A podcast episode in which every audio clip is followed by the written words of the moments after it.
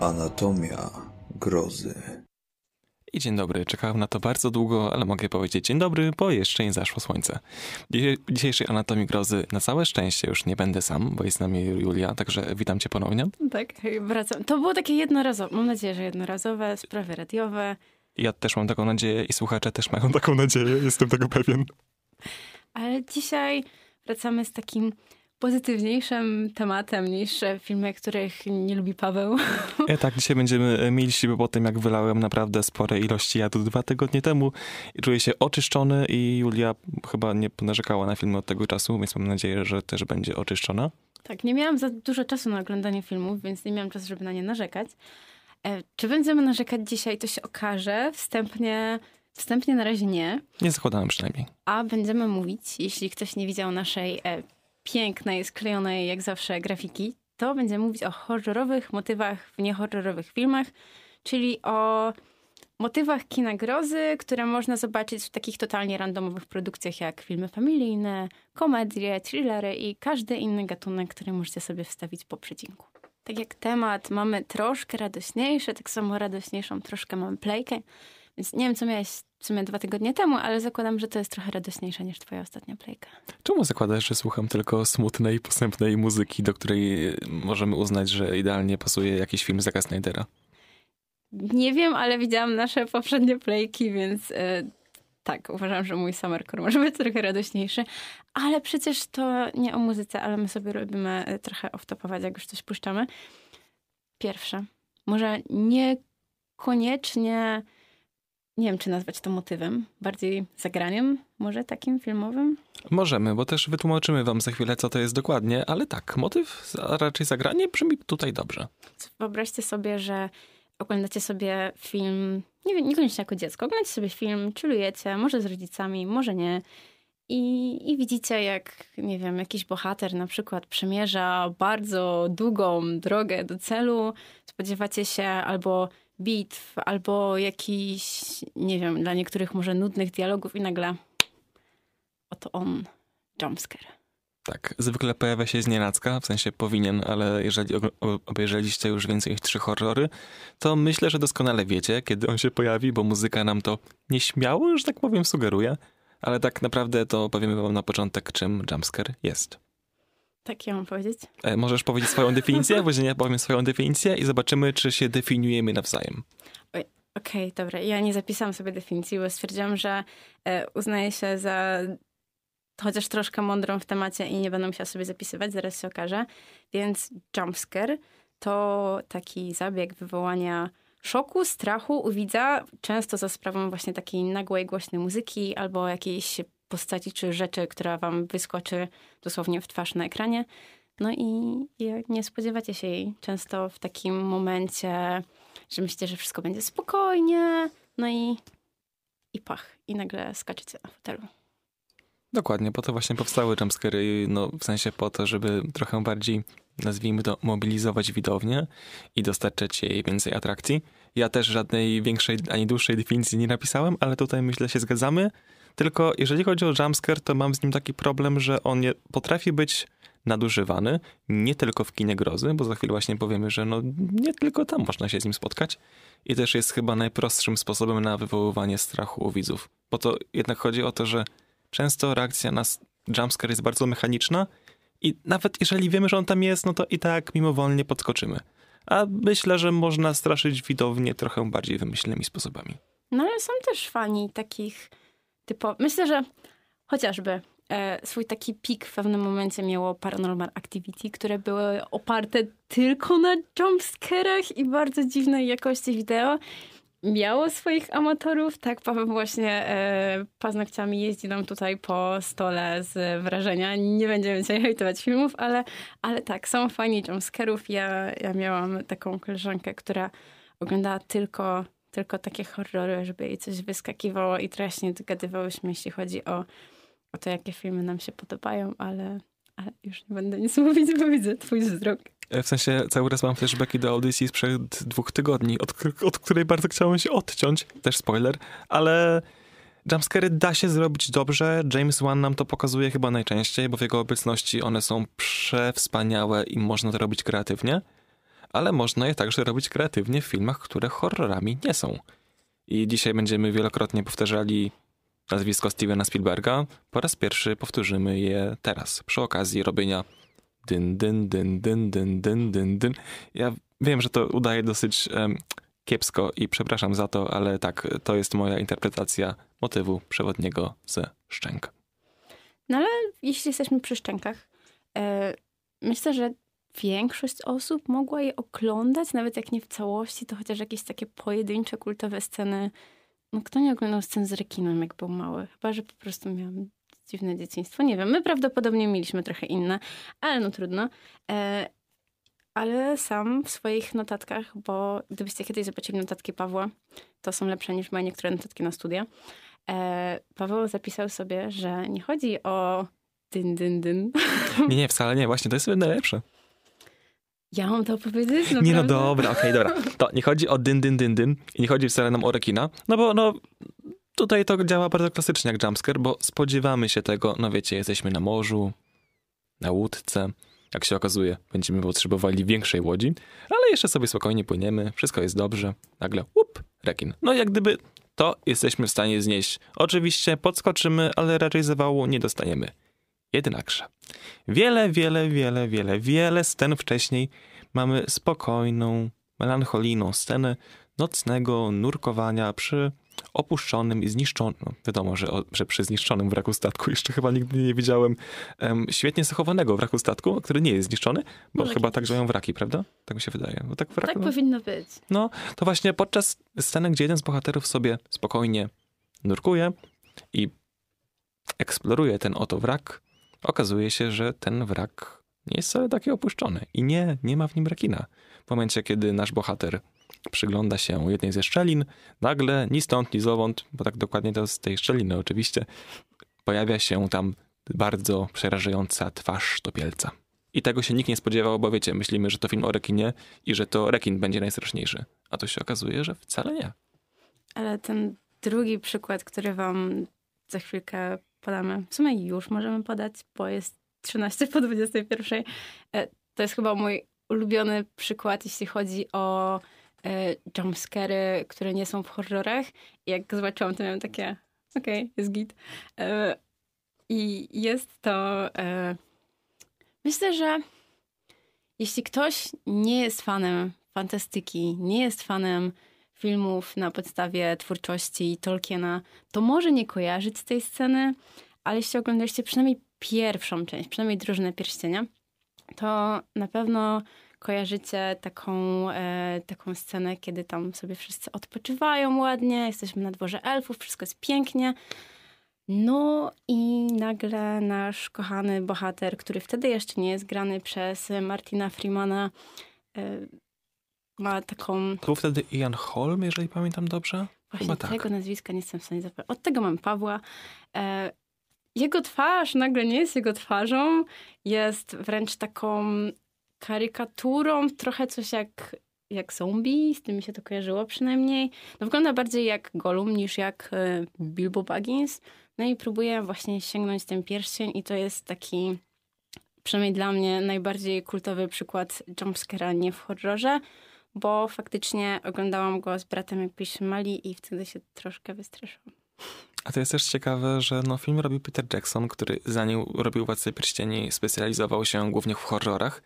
I tutaj jak gdyby to czuć, i, ale nie tyle przy okazji designu Nazguli, czy właśnie samego Mordoru, który jest przerażający i mamy tam wiele scen, które jeżdżą włos na głowie, to najstraszniejsza jest właśnie ta, wydawać by się mogło, sielska scenka, gdzie mamy po prostu przez 5 sekund straszną twarz starszego pana, który ma 1,50 m, więc nie powinien nas przerażać.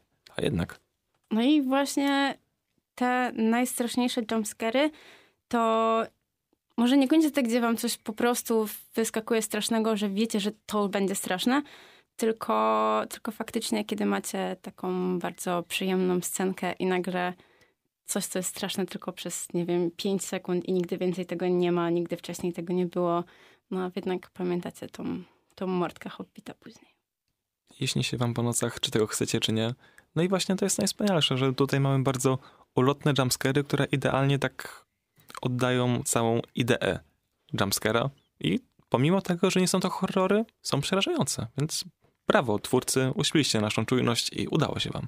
Głównie Spielberg i Jackson, ale No, no, no już twórcy, no liczba mnoga, dwie osoby, starczy.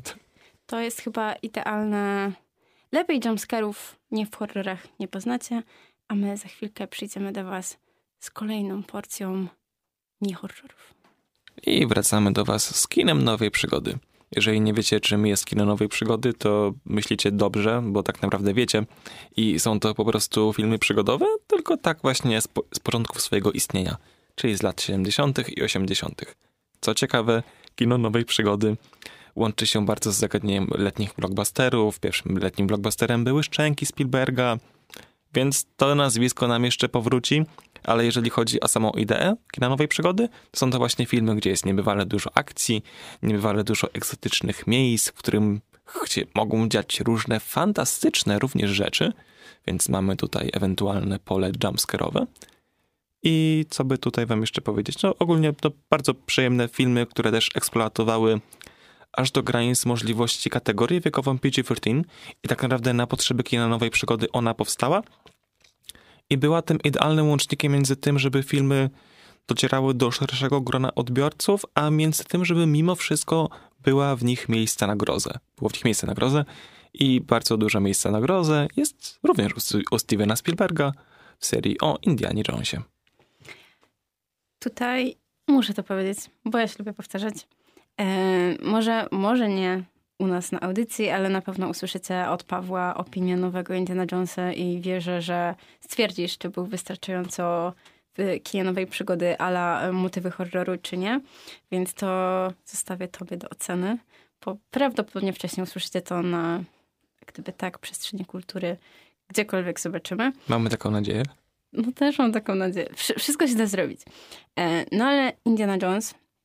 E, tak samo myślę, że możemy połączyć od razu te, to drugie uniwersum, które mamy tutaj, czyli e, Jurassic Park. Również Stevena Spielberga, który jest patronem naszej dzisiejszej audycji, także pozdrawiam Stevena Spielberga. Miły pan. Poznałeś osobiście. Mm, oczywiście, naturalnie. Znam każdego reżysera, o którym mówię, dlatego mogę ich ewentualnie obrażać. Więc Indiana Jones, Jurassic Park, serie, które udowadniają, że kino nowej przygody kochamy do teraz. Może nie jako Jurassic Park, tylko jako Jurassic World, które też nawiązuje do konwencji, motywów, o których dzisiaj mówimy. Czyli filmy, które jednocześnie zachęcają dzieci do tego, że zawody takie jak archeolog może nie są tak nudne, jak się myślało kiedyś.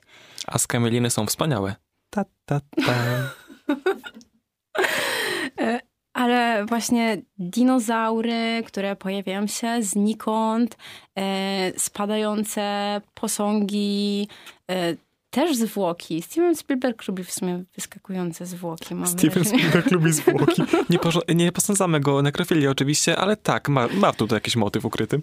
Więc jeśli szukacie filmu, który... Filmu, filmów w sumie, które najlepiej oddadzą wam e, elementy horroru bez takiego długofalowego straszenia was, to ogólnie filmografia Spielberga jest na to idealnym, myślę, pomysłem, przykładem. Dokładnie, bo, tu, Bierzcie, co chcecie. bo tutaj bardzo istotny jest sam nastrój tajemniczości i czasami to idzie w mocno gorowe sceny, tak jak wyrywanie ludzkiego serca z klatki piersiowej osobie, która żyje i ma się dobrze i to ludzkie serce jeszcze bije w dłoniach właśnie osoby, która wyjmuje to serce, więc myślę, że to jest mocno horrorowy motyw i dzieci tutaj mogą mieć traumę. Ja troszkę mam. Indiana Jones i Świątynia Zagłady. Tak, e, część druga, najwspanialsza. E, Jeżeli chodzi o Park Jurajski, no to wiecie, są tam dinozaury i one żerą ludzi. Dosłownie. Odgryzają im główki, no, bawią się dobrze, no w sensie, no posilają się. Dla nich to jest po prostu szwedzki stół. No jest ta atmosfera budowana za sprawą muzyki, o której mówiliśmy na początku przy jumpscarach, bo tak naprawdę w filmach Spielberga, nie tylko w Szczękach, czy to w Parsku Juralskim też będą pojawiać się jumpscary, no bo jeśli myślicie, że o, tutaj ludzie sobie przyjemnie, nie wiem, jedzą pikniczek czy coś i nagle dinozaury ich jedzą. E, Tak, e, tutaj na przykład najwspanialszym przykładem jest chyba scena z raptorami w kuchni, którą kocham i tak się buduje napięcie. Nie jest to istotne, że nie jest to horror. Tak się buduje horrorowe napięcie.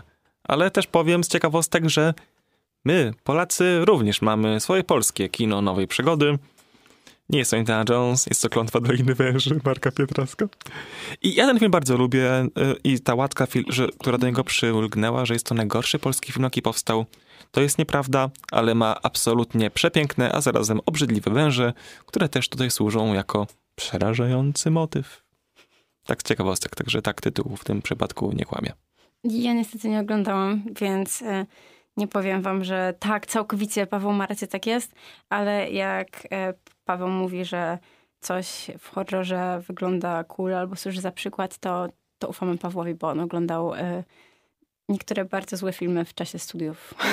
Tak, e, zdarzało mi się, przyznaję. Ale jak tak właśnie patrzę, to chciałbym dodać do kina nowej przygody coś, co nie jest Spielberga, więc dodam Super 8 J.J. Abramsa, tylko tu jest taki problem, że J.J. Abrams powiedział jasno, że to jest inspiracja kinem Spielberga i to jest jego laurka dla tego twórcy. Także tutaj ewentualne mordowanie ludzi przez obcych nie dziwi. I tak samo jak nie dziwią ewentualne straszniejsze motywy w bliskich spotkaniach trzeciego stopnia, również Spielberga. Także jak ktoś robi straszne rzeczy, ale nie robi horroru, bo Spielberg nigdy nie zrobił od początku do końca filmu grozy, no to tylko do niego chyba można uderzyć. Więc chwalimy Spielberga, słyszymy się za chwilę. Z racji, że e, nasze radio spadło z rowerka i ani nasza muzyka, ani radiowa muzyka nie działa, to jednak nasza przerwa na oddychanie będzie trochę krótsza więc najwyżej będę wam tutaj pochrząkiwać, mówi się trudno. E, I przechodzimy do części, która jest zdecydowanie najdłuższa, ale nam została w sumie tak połowa audycji, więc myślę, że... Damy radę, ale wyobraziłem sobie radio, które jedzie na rowerku i które z niego spada i to jest i słodkie, i przykre zarazem. No, trochę miałam nadzieję na tą playkę. Może, może innym razem, zobaczymy. Więc y, teraz wyobraźcie sobie taką y, linczowską kurtynkę, która się otwiera i za kurtynką mamy napis dziwne hybrydy gatunkowe. Tak, my przy, przy, większości przykładów wiemy mniej więcej, co jest połączone z czym, ale nie przy wszystkim i to jest chyba najwspanialsze. To jest ten rodzaj filmów, przy niektórych okej, okay, jesteśmy w stanie rozróżnić te gatunki, ale niektóre z tych filmów są takie, że niby macie te gdzieś tam widełki, ale jak na niego idziecie, to i tak nie macie pojęcia, co oglądacie, co obejrzeliście. I chyba to najbardziej kochamy w tych filmach, przynajmniej w tych, które lubimy. I chyba taki. Mm, zaczniemy chyba od tego kina pseudofamilijnego, myślę. I taki pierwszy przykład, który możecie sobie wyobrazić, to Patum Pogromcy Duchów. E, więc tak jak można się spodziewać, duchy są takim motywem, no dość podobnym do kina grozy. E, dość podobnym, takim stricte należącym do kina grozy. E, I nie jest to jedyny w ogóle film familijny, który ma duchy, bo jeszcze przyszedł mi do głowy Duszek Kacperek. On, on, był uroczy, tak. Miałem na kasecie jakieś nagranie, pamiętam, miałem właśnie ten film, ale on był nagrywany w drugi dzień świąt i pamiętam, że zawsze, kiedy oglądałem też z rozrzewnieniem, patrzyłem na te zwiastuny świątecznych filmów, świąteczne reklamy na Polsacie bodaj. To było urocze i sam film jest przeuroczy. Więc to jest takie nawet wprowadzenie do pogromców duchów, których możecie obejrzeć później, bo w Kasperku też są jumpscare, z tego co pamiętam. Nie widziałam go dawno, ale pamiętam, że te duchy też wyskakiwały znikąd. Wiemy, że są tam duchy, to jest najważniejsze. Więc to już jest ten wstęp do... Nie no, w sumie nie wstęp, nasz dzisiejszy temat. Wstęp do pogromców duchów, gdzie no, te postacie są już troszkę strasznie wyglądające. One faktycznie wyskakują jeszcze bardziej znikąd, jeśli da się jeszcze bardziej znikąd. E, i no, jest to kolejny z tych filmów, który gdzieś tam trochę nagina momentami. Zależy, jak odporni jesteście jako dzieci na przykład. E, ale mamy też, jeśli zostajemy w motywie ducha, e, nie wiem, na razie mam w planie, że powiem o większości z tych filmów. E, pewnie nam nie wyjdzie, bo będziemy do nich wracać. Ale w motywie ducha mamy też przecież komedie romantyczne. Czyli Uwierz w ducha. Nie wiem, czy ktoś z was widział. Ja widziałam, bo moja mama widziała go ze trzy razy. I tak, da się, nie wiem, czy zakochać w duchu? Na pewno da się ulepić z nim wazę. Da się ulepić z nim wazę. I to jak? Więc e, nie wiem, czy masz swój ulubiony film z duchem, który nie jest horrorem? Ja bardzo lubię Ghost Story. No naprawdę Davida Roveriego i ostatnio go lubię może trochę mniej, bo na uczelni ludzie też przyznają się do tego, że go lubią Też i przestaje być boleć. mój. Bo kiedyś on był bardzo mój, nikt innego nie widział i było takie, u, jak fajnie, mogę sobie płakać na scenie z ciastem, mogę mówić, że kocham ten film, bo nikt go nie zna i się nie czuję oceniany. Ale ostatnio już się czuję oceniany, więc to już nie mówię, że to jest mój ulubiony film z duchami i trochę mi smutno z tego powodu. Ale to jest zdecydowanie najpiękniejszy film z duchami, e, bo w sumie nie ma w nim takich typowych zagrań e, kina grozy. Jest po prostu duch, który jest najsmutniejszym i najbardziej nieszczęśliwym duchem, jakiego możecie w życiu zobaczyć. I to jest jednocześnie najpiękniejsze i najsmutniejsze. To jest wprowadzenie do Kacperka. Więc wszystko zacza koło. Ja po prostu widzę w, swoim, w swojej głowie taką, taką pętelkę Nie, właśnie powiedziałaś na audycji, że widzisz w swojej głowie pętelkę. Julia, czy potrzebujesz pomocy? Czy chcesz o tym porozmawiać? Nie, nie, wszystko jest w porządku. Tak, du duchy w filmach. Myślę, że możemy przejść do czegoś innego. E, No, Okej, to ja może szybko cię uratuję i powiem o innych produkcjach familijnych, które nie mają duchów, tylko gremliny, a ty się proszę nie morduj w tym czasie. Błagam, nie rób tego. Też chciałam przejść do Gremlinów. Tak, o, to swoim miejscu. bardzo dobrze, bo uwaga, chcemy wam powiedzieć o gremlinach Joe'ego Dante, które są urocze. Mamy te małe Są mogłaje. urocze do czasu. Tak, bo kiedy te gremliny zjedzą coś po północy albo będą miały kontakt z wodą, okazuje się, że one pączkują. A kiedy pączkują, to stają się też mniej fajnymi wersjami samych siebie. Stają się tymi właśnie no, gremlinami tytułowymi. Wtedy nie są puchate i słodziutkie. Gremlin był też na naszej grafice, więc jeśli ktoś się wysilił zajrzeć na nas, nasz fanpage na sekundę, to może go zobaczył. Łącznie z duchem z Ghost Story, ale to nieważne. I, i rekin też tam był. E, gremliny to chyba jednak bardziej coś dla dzieci niż pogromcy duchów. Tak mi się przynajmniej wydawało, jak je oglądałam.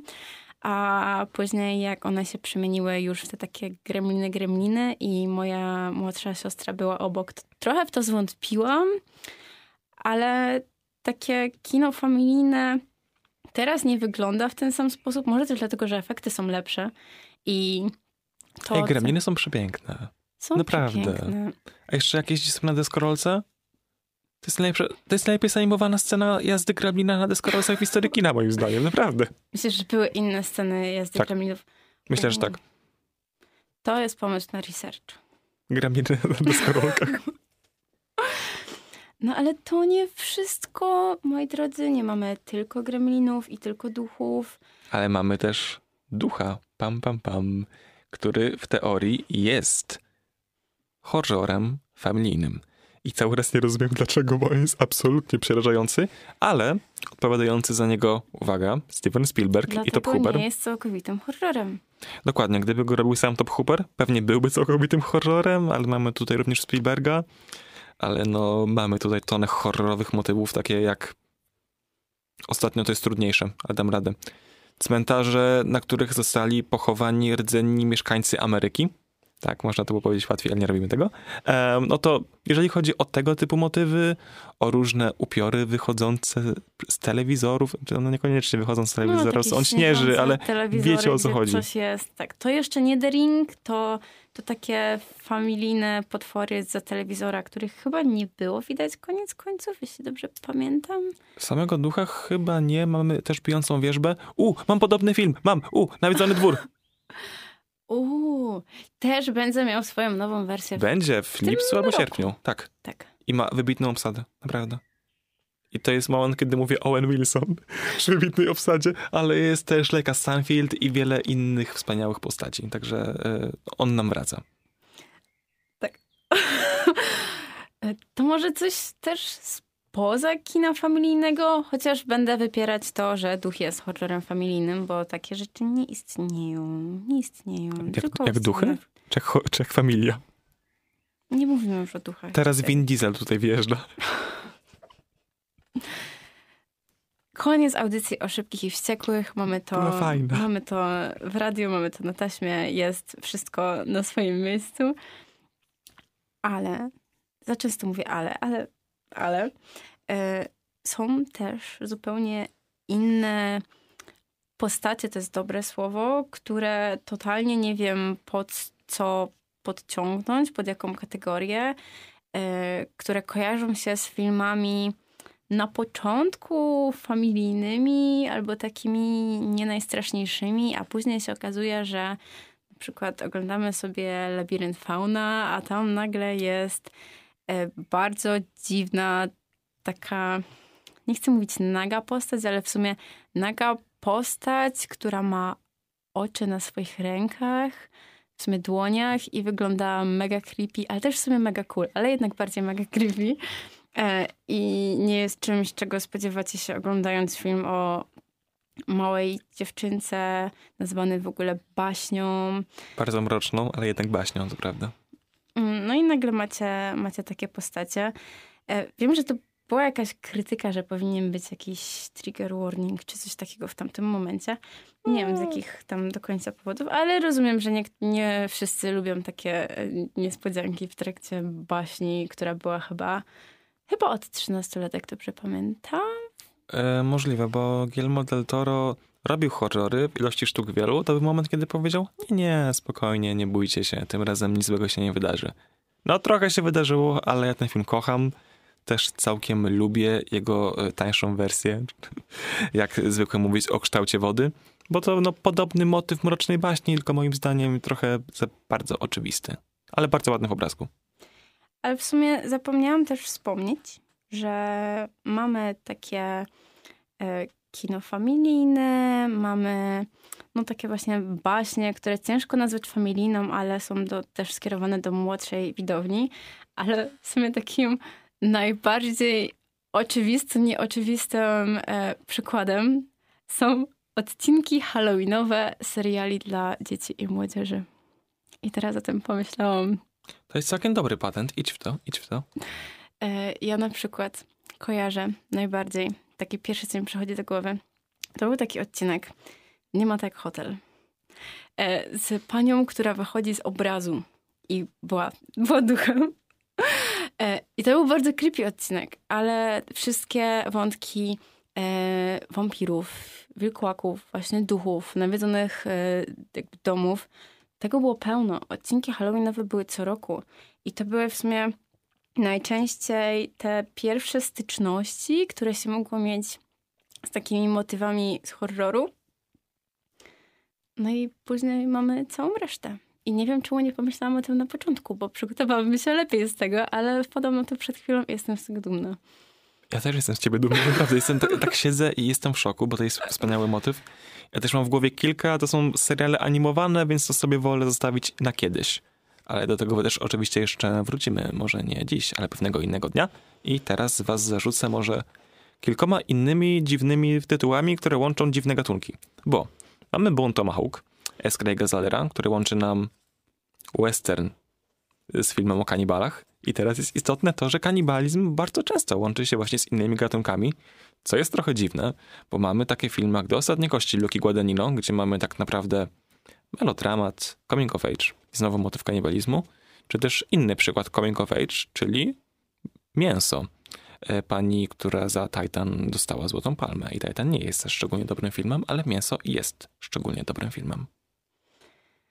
Nie widziałam mięsa, widziałam Titan, więc e, mam nadzieję, że przeżyję dezaprobatę z twojej strony, chociaż nie widzę jej jakiejś wielkiej, więc...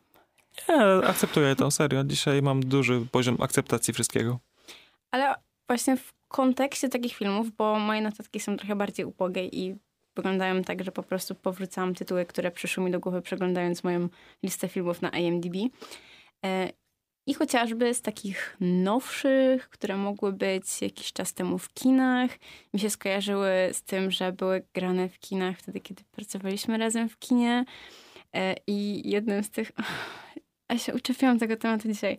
Jest Anet, gdzie jest postać ducha.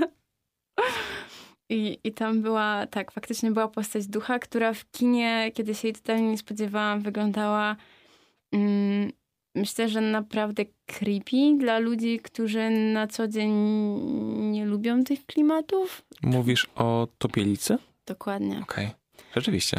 E, e, I właśnie tam była też bardzo emocjonalna muzyka, która potęgowała ten klimat grozy Ale były też filmy takie jak Old, które miały być horrorami. Nie wyszły jak horrory, ani tam za bardzo jumpscarów, ani niczego, ale e, nie licząc finału, który psuje wszystko, zamysł horroru też był. Ludzie umierają w niewyjaśnionych okolicznościach, są jakieś podobno nadprzyrodzone siły. Nie będę spoilerować, ale są lepsze filmy, gorsze filmy. I zapomniałam o jumpscarze soku z żuka. Możesz teraz mi opowiedzieć. Ja nie będę zły, naprawdę. Więc y, ja jestem fanką Tima Bartona. Paweł chyba tak, tak jednak troszkę Nie, mniej. lubię go. W sensie nie daję tych filmów, którzy wszyscy, bo ja najbardziej lubię Dużą Rybę. I... Duża ryba jest cudowna, ale o, nie dziękuję. jest horrorem. No nie jest, więc... prawda, więc no, trochę jestem zepsuty, przyznaję się.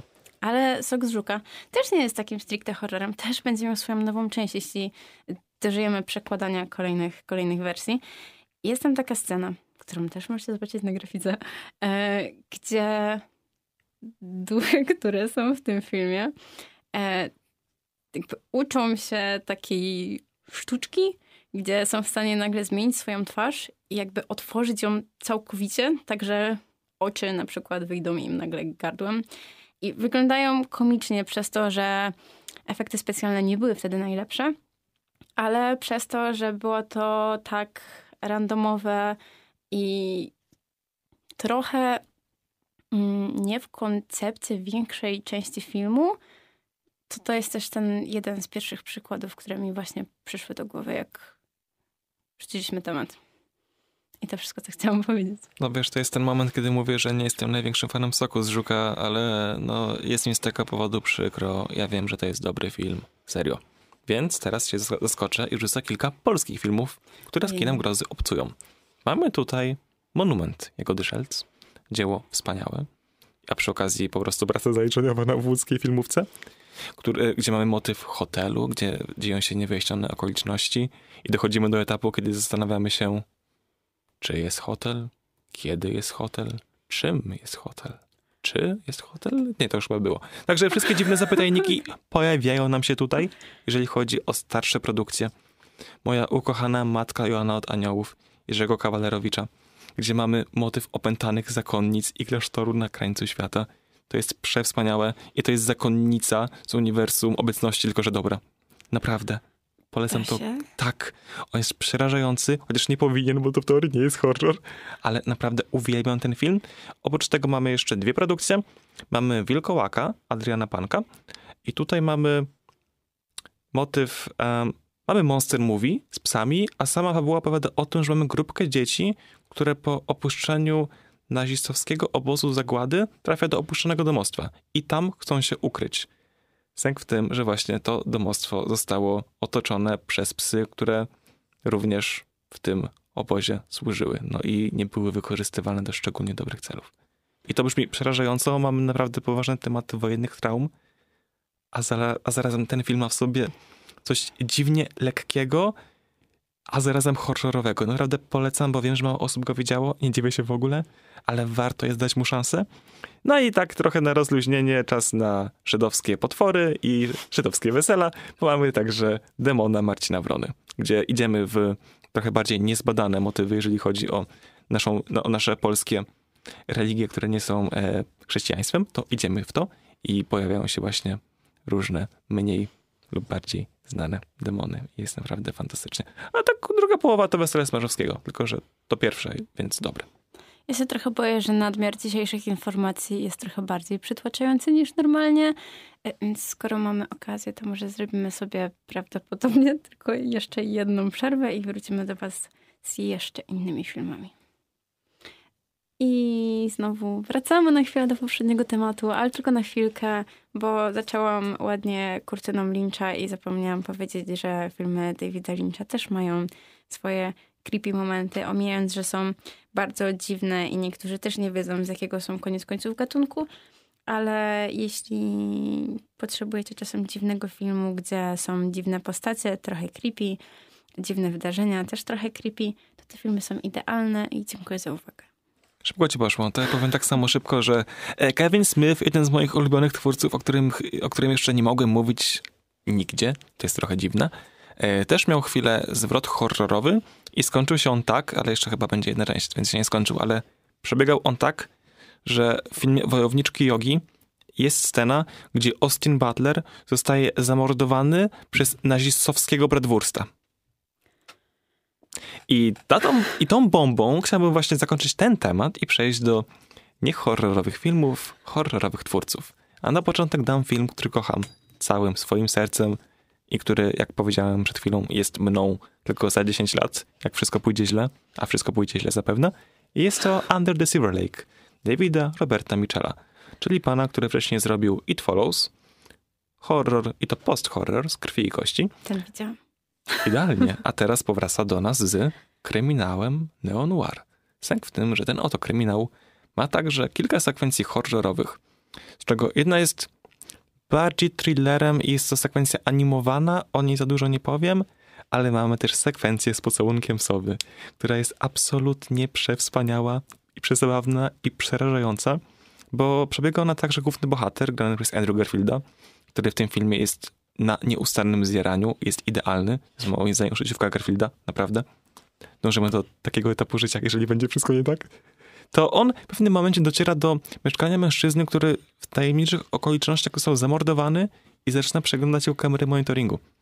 Okazuje się, że tego dnia, raczej tej nocy, kiedy został zamordowany, w jego mieszkaniu był też mistyczny pocałunek sowy.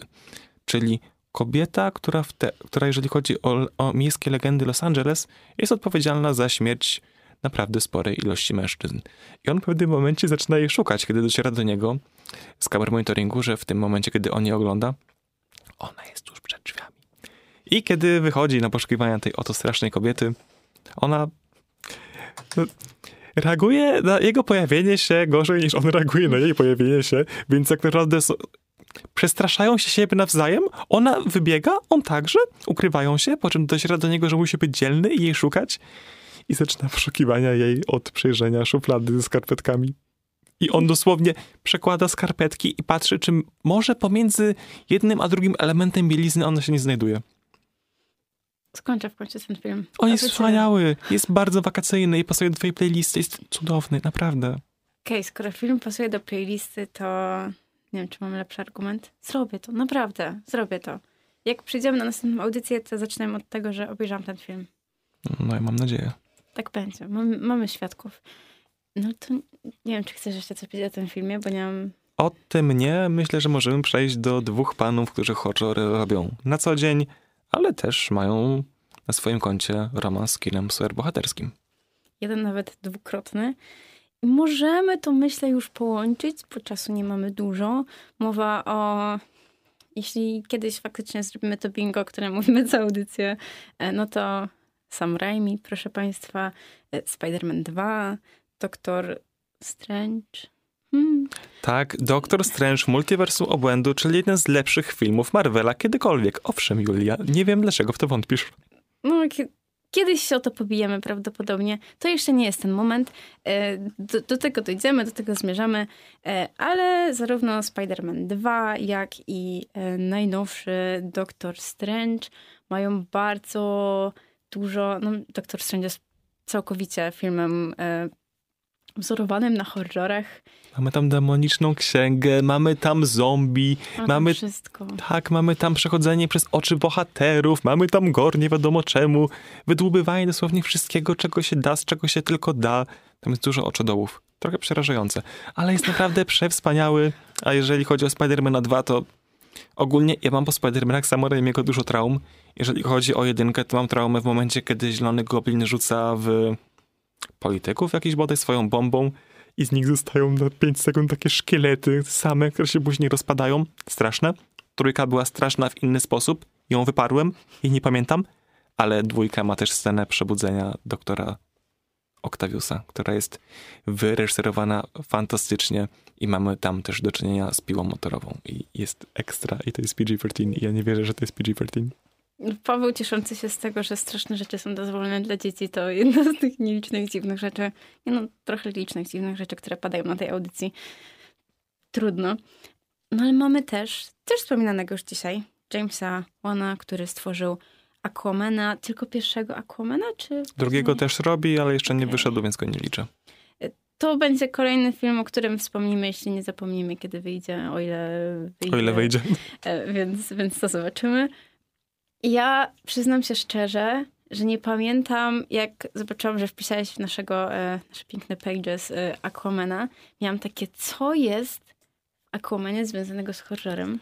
Jest tam scena na morzu, ta czarno-czerwona, gdzie mamy lud potworów, które wyglądają jak te ryby, które zamieszkują morskie odmęty, które zaczynają atakować łódź. Ona jest wyreżyserowana fantastycznie. Mało tego, miało powstać spin-off poświęcony właśnie temu ludowi, miał się nazywać Trench, ale finalnie niestety nie powstał, a same postaci prawdopodobnie powrócą w części drugiej, ale są przerażające, naprawdę. Wiem, z czym kojarzy mi się ten opis. Z e, sceną ataku syren w czwartych Piratach z Karibów.